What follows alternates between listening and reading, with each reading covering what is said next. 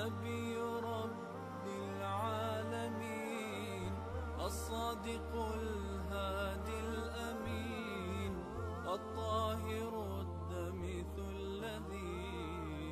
للحق صار معلما بسم الله الرحمن الرحيم الحمد لله رب العالمين والصلاة والسلام على سيد المرسلين وإمام المتقين نبينا محمد وعلى آله وأصحابه وأزواجه وذريته ومن سلك طريقه واتبع سنته إلى يوم الدين وعنا معهم برحمتك يا أرحم الراحمين وأرحب بكم مرة أخرى مع سيرة النبي صلى الله عليه وسلم والتي أسأل الله سبحانه وتعالى أن ينفعنا بها وأن يجعلنا من الذين يستمعون القول فيتبعون أحسنه إنه على ذلك قدير سبحانه وتعالى وبالإجابة جدير سبحانه وتعالى تسلسلت بنا أحداث السيرة النبوية المختصرة عند نهاية غزوة الخندق وذكرنا كيف أن الله سبحانه وتعالى نصر رسوله صلى الله عليه وسلم في هذه الغزوة العظيمة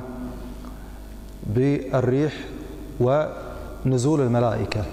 فألقت الرعب في قلوب هؤلاء الكفار ولم تقاتل الملائكة إلا في غزوة بدر الكبرى ورأينا قبل ذلك شدة الابتلاء في هذه الغزوة العظيمة حتى ظهرت بعض المواقف للمنافقين الذين في قلوبهم مرض وبدأوا يتكلمون على النبي صلى الله عليه وسلم أنه يعيدنا بفتح فارس والروم والواحد منا ما يستطيع أن يخرج لقضاء حاجته من شدة الخوف فعلى كل حال كانت غزوة عظيمة خلد الله سبحانه وتعالى ذكرها في كتابه الكريم في سورة الأحزاب بعد غزوة الخندق أخذ النبي صلى الله عليه وسلم يوجه حملات تأديبية إلى القبائل التي شاركت في غزوة الخندق ضد المسلمين كل قبيلة شاركت منها العشر تلاف مقاتل شن عليهم النبي صلى الله عليه وسلم السرية تلو السرية لتأديب هذه القبائل ومن الأمور العجيبة أن الرسول صلى الله عليه وسلم بعد غزوة الخندق وبعد بني قريظة قال قول عجيبة وهو علم من أعلام نبوته عليه الصلاة والسلام قال عليه الصلاة والسلام الآن نغزوهم ولا يغزونا ومن يدرس السيرة النبوية يرى أن ما في قبيلة أو أي جمع حاول أن يغزو المدينة بعد غزوة الخندق وبني قريظة بعد غزوة الخندق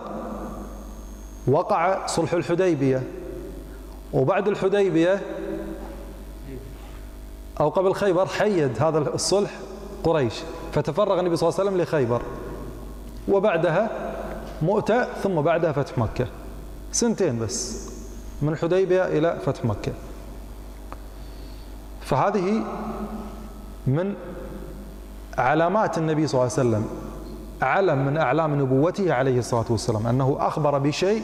وفعلا وقع هذا الشيء في ربيع الأول من السنة السادسة للهجرة خرج رسول الله صلى الله عليه وسلم في غزوة بني لحيان فشن عليهم هجوما فتفرقوا من كل مكان وفي, رجب وفي ربيع الأول من السنة السادسة للهجرة بعث النبي صلى الله عليه وسلم سرية بقيادة عكاش بن محصن رضي الله عنه لبني أسد ففروا من كل مكان وبعث النبي صلى الله عليه وسلم سرية بقيادة محمد بن مسلمة رضي الله عنه الأنصاري لبني ثعلبة من غطفان وذلك في ربيع الأول من السنة السادسة للهجرة حدث بينهم قتال ثم أنهم فروا من كل مكان ثم بعث النبي صلى الله عليه وسلم سرية بقيادة أبو عبيدة بن الجراح أحد العشر المبشرين بالجنة رضي الله عنه وأحد الذين قال فيهم عمر لو كان أبو عبيدة حي لوليته الخلافة ما جعلتها شورى وذلك في ربيع الأول من السنة السادسة للهجرة إلى منطقة ذي القصة فأغار عليهم وغنم منهم ورجع إلى المدينة ثم بعث النبي صلى الله عليه وسلم زيد بن حارثة مولاه في سرية إلى بني سليم وغنم منهم ورجع سالما بمن معه وذلك في ربيع الأول من السنة السادسة للهجرة في جماد الأولى من السنة السادسة للهجرة بعث النبي صلى الله عليه وسلم سرية بقيادة زيد بن حارثة والهدف اعتراض قافلة لقريش فأدركوها وأخذوا كل ما فيها وأسروا كل من في هذه القافلة من بين هؤلاء الأسرى أبو العاص بن الربيع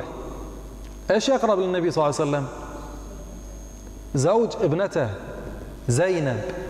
أبو العاص بن الربيع وكان مشركا في ذلك الوقت فجيء بكل هذه الغنائم وكل هؤلاء الأسرى إلى النبي صلى الله عليه وسلم في صلاة الفجر والنبي صلى الله عليه وسلم يصلي صرخت زينب بنت النبي صلى الله عليه وسلم والرسول صلى الله عليه وسلم في الصلاة قالت بصوت عالي أجرت أبو العاص بن الربيع زينب هاجرت وأبو العاص ما زال في مكة مشرك كان فلما انتهى النبي صلى الله عليه وسلم من صلاته التفت إلى الناس قال هل سمعتم ما سمعت والله ما دريت ولا علمت لا تقولون هذا أمر مدبر بيني وبين بنتي على أساس نفك آه، أسيرها ما أدري والله والأمر كله راجع إلى السرية فزيد بن حارث وما معه قالوا نطلقه يا رسول الله ونطلق كل من في هذه السرية ونرجع لهم كل الغنائم إكراما لأبو العاص بن الربيع صهر النبي صلى الله عليه وسلم فأطلقوه رجع أبو العاص إلى مكة وأرجع الأموال إلى أهل مكة ثم قال لهم هل ظلمتكم أخذت منكم شيء قالوا لا والله جزاك الله خيرا فقال أشهد أن لا إله إلا الله وأن محمد رسول الله ورجع مرة ثانية حق النبي صلى الله عليه وسلم طيب الرسول صلى الله عليه وسلم أرجع له زينب الآن هو مشرك وهي مسلمة ولا يجوز للمشرك أن يتزوج المسلمة الرسول صلى الله عليه وسلم أرجع لزينب بدون عقد بدون شيء يعني بدون عقد جديد يجوز ولا ما يجوز هذا آه. ها لا ما يجوز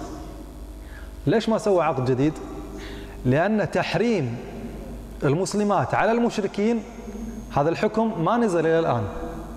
فارجع له النبي صلى الله عليه وسلم سورته واضح ولا مو واضح مو واضح كان هو الحين مشرك وزوجته مسلمة بمجرد أنه مشرك خلاص تنفصل العلاقة أسلم ويبي زوجته مرة ثانية لازم يتزوج عقد جديد الرسول صلى الله عليه وسلم ما سوى عقد جديد لماذا أرجع لزوجته من غير عقد جديد لأن الحكم ما نزل للحين حكم تحريم المسلمات على المشركين ما نزل إلى الآن فأرجع لزوجته واضحة ولا مو واضحة طيب أبو العاص بن الربيع رضي الله عنه صحابي جليل أسلم بعد الحديبية وهاجر إلى النبي صلى الله عليه وسلم وبقي رضي الله عنه على إسلامه يعني ما ارتد بعد وفاة النبي صلى الله عليه وسلم في ذي القعدة من السنة السادسة للهجرة أخبر النبي صلى الله عليه وسلم أصحابه أنه يريد العمرة وأنه رأى رؤيا في المنام أنه دخل مكة هو وأصحابه آمنين محلقين هذه الرؤية في المنام ورؤيا الأنبياء احنا ايش قلنا وحي وحي رؤيا النبي ما هي نفس رؤيانا احنا لا هذا وحي اللي يشوفه سيتحقق تذكرون ها مثل فلق ها الصبح هذه الرؤيا ذكر الله سبحانه وتعالى في كتابه الكريم في سورة الفتح فقال سبحانه وتعالى لقد صدق الله رسوله الرؤيا بالحق ما هي الرؤيا لتدخلن المسجد الحرام إن شاء الله آمنين محلقين رؤوسكم ومقصرين لا تخافون لا تخافون من أذى قريش أحد يؤذيكم تعتمرون وأنتم في كامل الأمان فعلم ما لم تعلموا فجعل من دون ذلك فتحا قريبا الصحابة فرحوا بهذا الأمر وتهيأوا للخروج مع النبي صلى الله عليه وسلم واستنفر النبي صلى الله عليه وسلم الأعراب من البوادي ممن أسلم ليخرجوا معه فأبطأ عليه الأعراب واعتذروا بأعذار واهية كشفها الله سبحانه وتعالى في القرآن من بركة السيرة أنك تعرف معنى الآيات من أسباب فهم القرآن معرفة أسباب النزول وأسباب النزول كلها في السيرة النبوية يقول الله سبحانه وتعالى في سورة الفتح وهو يبين ما في قلوب هذه الأعراب هذه هؤلاء الأعراب اعتذروا بإعذار واهية يقول الله تعالى سيقول لك المخلفون من الأعراب شغلتنا أموالنا وأهلنا تعالوا خلنا نخرج اخرجوا معي قالوا شغلتنا أموالنا وأهلنا فاستغفر لنا يعني يا رسول الله يقولون بألسنتهم ما ليس في قلوبهم ما هو الذي في قلوبهم الخوف رايح حق عدوك أهل مكة ما راح يخلونك تعتمر على راحتك قد يكون في قتال وبينك وبين المدينة في قبائل معادية ضد المسلمين فيخافون أن يصير قتال فقد يموتون هذا اللي في قلوبهم هم قالوا شغلتنا أموالنا وأهلنا لا الخوف اللي في قلوبهم قل فمن يملك لكم من الله شيئا إن أراد بكم ضرا أو أراد بكم نفعا بل كان الله بما تعملون خبيرا بل ظننتم أن لن ينقلب لن يرجع يعني الرسول والمؤمنون إلى أهليهم أبدا يعني راح يروحون تصير مقتلة ويقتلون ما راح يرجعون وزين ذلك في قلوبكم وظننتم ظن السوء وكنتم قوما بورا خرج رسول الله صلى الله عليه وسلم من المدينة متوجها إلى مكة ومعه على أرجح الروايات 1400 رجل من أصحابهم المهاجرين والأنصار ولم يأخذ النبي صلى الله عليه وسلم معه من نسائه إلا أم سلمة هند بنت أبي أمية ابن المغيرة وأنتم تعلمون النبي صلى الله عليه وسلم إذا أراد أن يخرج في سفر ولا شيء كان يقرع بين نسائه عليه الصلاة والسلام فخرج القرعة خرجت القرعة على أم سلمة ولم يخرج ولم يخرج النبي صلى الله عليه وسلم ولم يخرج النبي صلى الله عليه وسلم سلاحا معه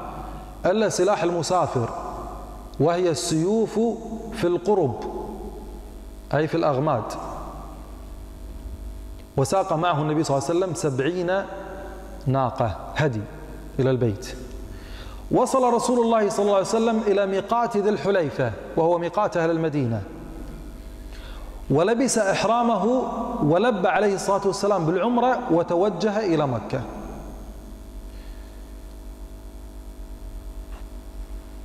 فلما خرج النبي صلى الله عليه وسلم وصل خبر خروج النبي صلى الله عليه وسلم إلى قريش وأنه يريد العمرة فقالوا والله ما يدخلها علينا أبدا فجهزوا كتيبة بقيادة خالد بن الوليد المخزومي رضي الله عنه وكان على الشرك في ذلك الوقت خالد هاجر أسلم وهاجر مع عمرو بن العاص وعثمان بن طلحة قبيل الفتح في السنة الثامنة للهجرة وجهزوا هذه الكتيبة لصد المسلمين عن دخول مكة وصل رسول الله صلى الله عليه وسلم إلى منطقة عسفان وإذا بكتيبة خالد بن الوليد أمامه وحان وقت الصلاة صلاة العصر فنزل الوحي بتشريع صلاة الخوف فكانت أول صلاة خوف صليت في الإسلام كانت في غزوة الحديبية هذه أول صلاة خوف صليت في الإسلام كانت في غزوة الحديبية ثم أن النبي صلى الله عليه وسلم تفادى الاصطدام مع خيل الكفار فقال لأصحابه من يخرج بنا على طريق غير طريقهم من واحد يدل طريق نلتف من وراهم ونروح حق مكة فقال رجل من الصحابة أنا يا رسول الله فسلك بهم طريقا وعرا حتى استطاع عليه الصلاة والسلام أن يلتف من خلف كتيبة خالد وصل المسلمون إلى منطقة ثنية المرار هناك في هذه المنطقة ما بين النبي صلى الله عليه وسلم وبين حدود الحرم إلا خطوات آه، الحرم غير الكعبة مو المسجد الحرام احنا نسمي اليوم المسجد الحرام الحرم صح؟ لا الحرم منطقة أكبر هي التي لا يجوز فيها القتال ولا الصيد ولا منطقة آمنة بعدين المسجد الحرام بعدين الكعبة اليوم اللي يروح حق آه، للعمرة وهو ذاهب بالسيارة وهو محرم يدخل داخل راح يشوف علامات مكتوب بداية الحرم هذه المنطقة آمنة ما يجوز قطع الأشجار فيها ولا الصيد بين النبي صلى الله عليه وسلم وبين هذه الحدود حط اللي موجودة خطوات بس في هذه المنطقة بركة ناقة النبي صلى الله عليه وسلم حاول الصحابة فيها يحركونها من دون جدوى قامت ولم تقم فقالوا للنبي صلى الله عليه وسلم يا رسول الله أصابها بلاء فقال عليه الصلاة والسلام ليس هذا بخلق لها ناقة القصوى ثم حرك النبي صلى الله عليه وسلم ناقته زجرها فقامت وثبت ثم سار عليه الصلاة والسلام حتى نزل بأقصى الحديبية لكنه خارج منطقة ها الحرم يعني هذه المنطقة اللي هو فيها عليه الصلاة والسلام يجوز القتال فيها فلما اطمأن بالحديبية واستقر بها النبي صلى الله عليه وسلم جاءه بديل بن ورقاء رضي الله عنه كان مشرك في ذلك الوقت في نفر من أصحابه وقال للنبي صلى الله عليه وسلم إن قريشا قد خرجت لقتالك وصدك عن البيت فقال النبي صلى الله عليه وسلم إن لم نجيء لقتال أحد ولكن جئنا معتمرين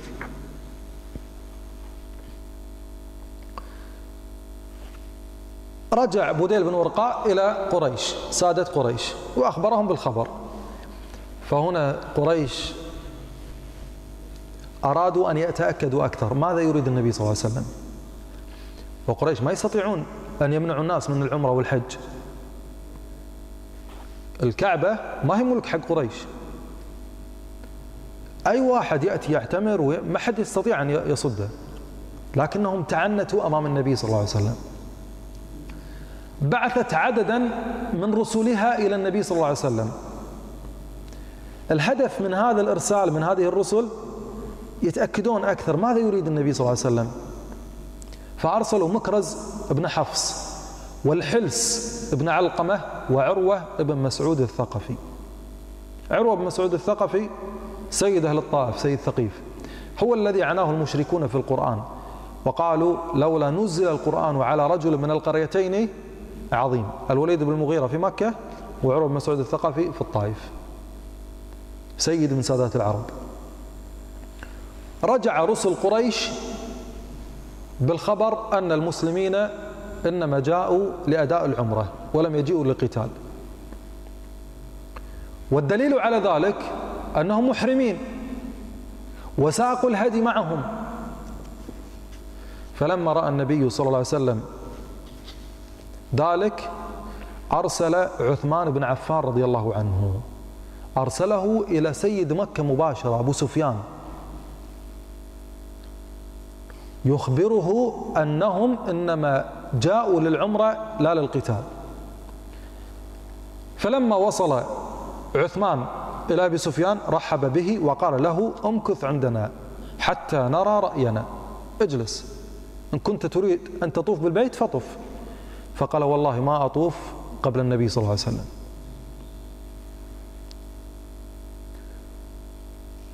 فمكث عثمان عندهم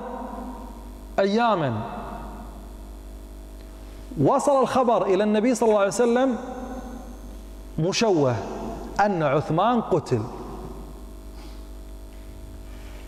فلما وصل الخبر إلى النبي صلى الله عليه وسلم أنه قتل أمر أصحابه بالبيعة وكان النبي صلى الله عليه وسلم جالس تحت شجرة وعرفت هذه البيعة ببيعة الرضوان لماذا سميت بهذا الاسم؟ لأن الله سبحانه وتعالى رضي عن كل من بايع النبي صلى الله عليه وسلم في هذه البيعة العظيمة يقول الله تعالى لقد رضي الله عن المؤمنين من هذول المؤمنين؟ 1400 واحد وإذ يبايعونك تحت الشجرة 1400 واحد على أرجح الروايات من خيرة أصحاب النبي صلى الله عليه وسلم المهاجرين والأنصار على ما كانت البيعة بعضهم بايع النبي صلى الله عليه وسلم على الموت وبعضهم بايعه على عدم الفرار في المعارك وهي أعظم بيعة وقعت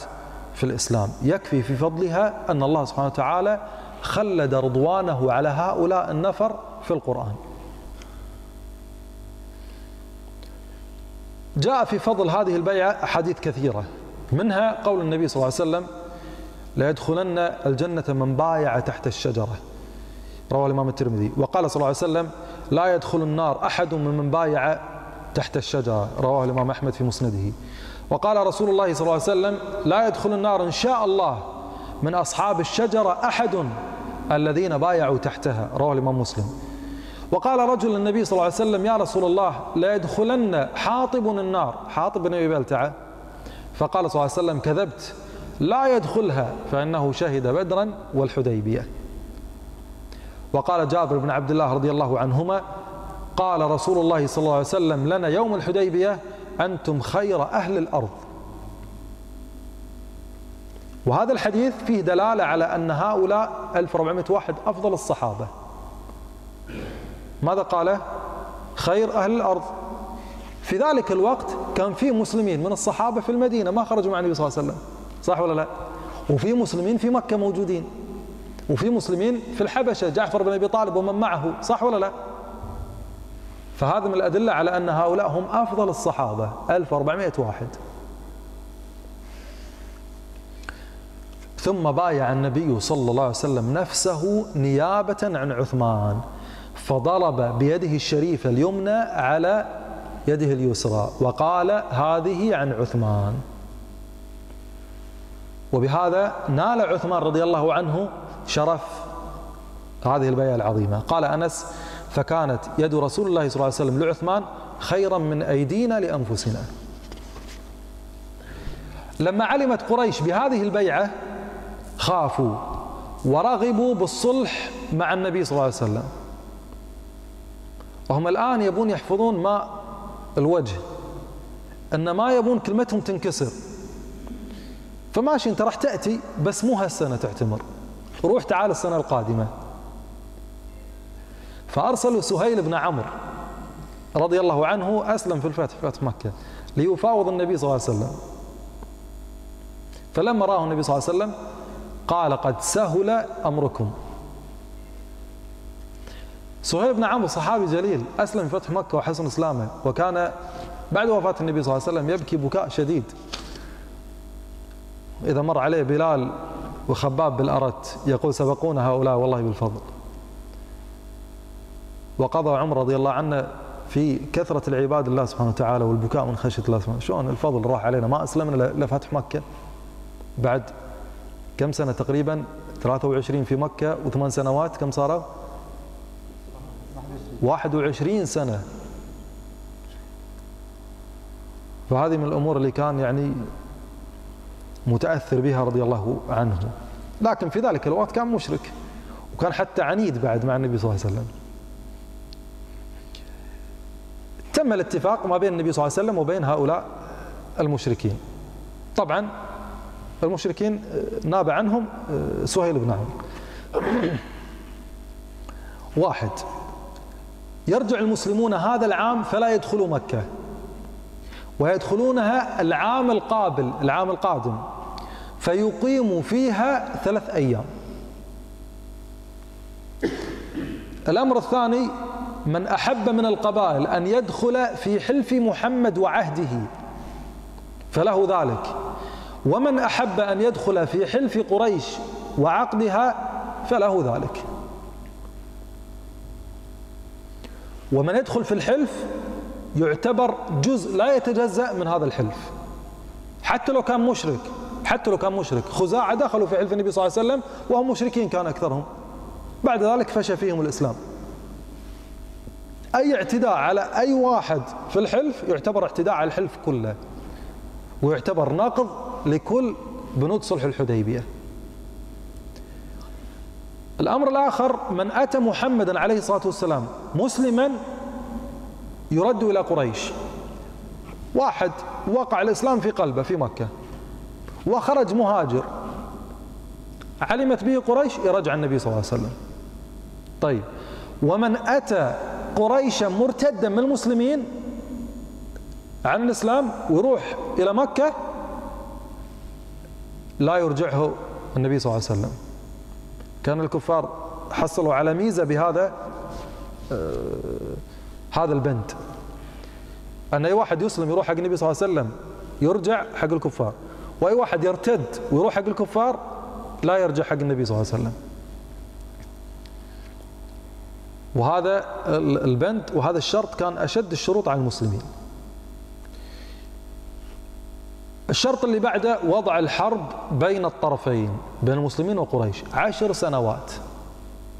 يأمن فيهن الناس ويكف بعضهم بعضا يعني خلال هذه الفترة أي واحد من المسلمين يبي يروح يعتمر يترك يبي يزور قريب في مكة يترك ولا يؤذى استمر الصلح كم سنة سنتين قلت سنتين خلاص قلناها سنتين هي عشر سنوات لكن سنتين نقضت قريش صلح الحديبية وتم فتح مكة وانتهى أمر الصلح ودخل الناس في دين الله أفواجا بعدما تم الصلح واتفق الطرفان عليه أمر رسول الله صلى الله عليه وسلم أصحابه بالتحلل من إحرامهم بنحر هديهم وحلق رؤوسهم فما قام أحد من الصحابة أمرهم النبي صلى الله عليه وسلم مرة أخرى فلم يقم أحد من الصحابة فدخل النبي صلى الله عليه وسلم على أم المؤمنين أم سلمة رضي الله عنها وشكى لها أمر المسلمين فقالت رضي الله عنها يا رسول الله أتحب ذلك قال نعم قال قم واحلق أنت وانحر هديك إذا رأوك سيفعلون لماذا تلكأ الصحابة سبب التلكؤ والتردد وعدم القيام لأنهم ظنوا لعل في المسألة سعة لعل قد يأتي الوحي ويعتمرون فلما قام النبي صلى الله عليه وسلم وتحلل عرفوا أن المسألة انتهت خلاص واضح يا جماعة ولا لا فمن شدة غضب الصحابة من هذا الصلح وما ترتب عليه أخذوا وهم يحلقون بعضهم لبعض من شدة ما هم مرضين على هذا الصلح أخذ بعضهم يجرح بعضا كانوا متأملين يدخلون مكة ويعتمرون لكن انتهى الأمر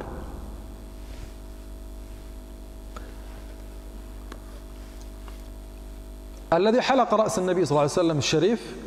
خراش بن أمية رضي الله عنه فلما رأى الصحابة ذلك بدأوا يتحللون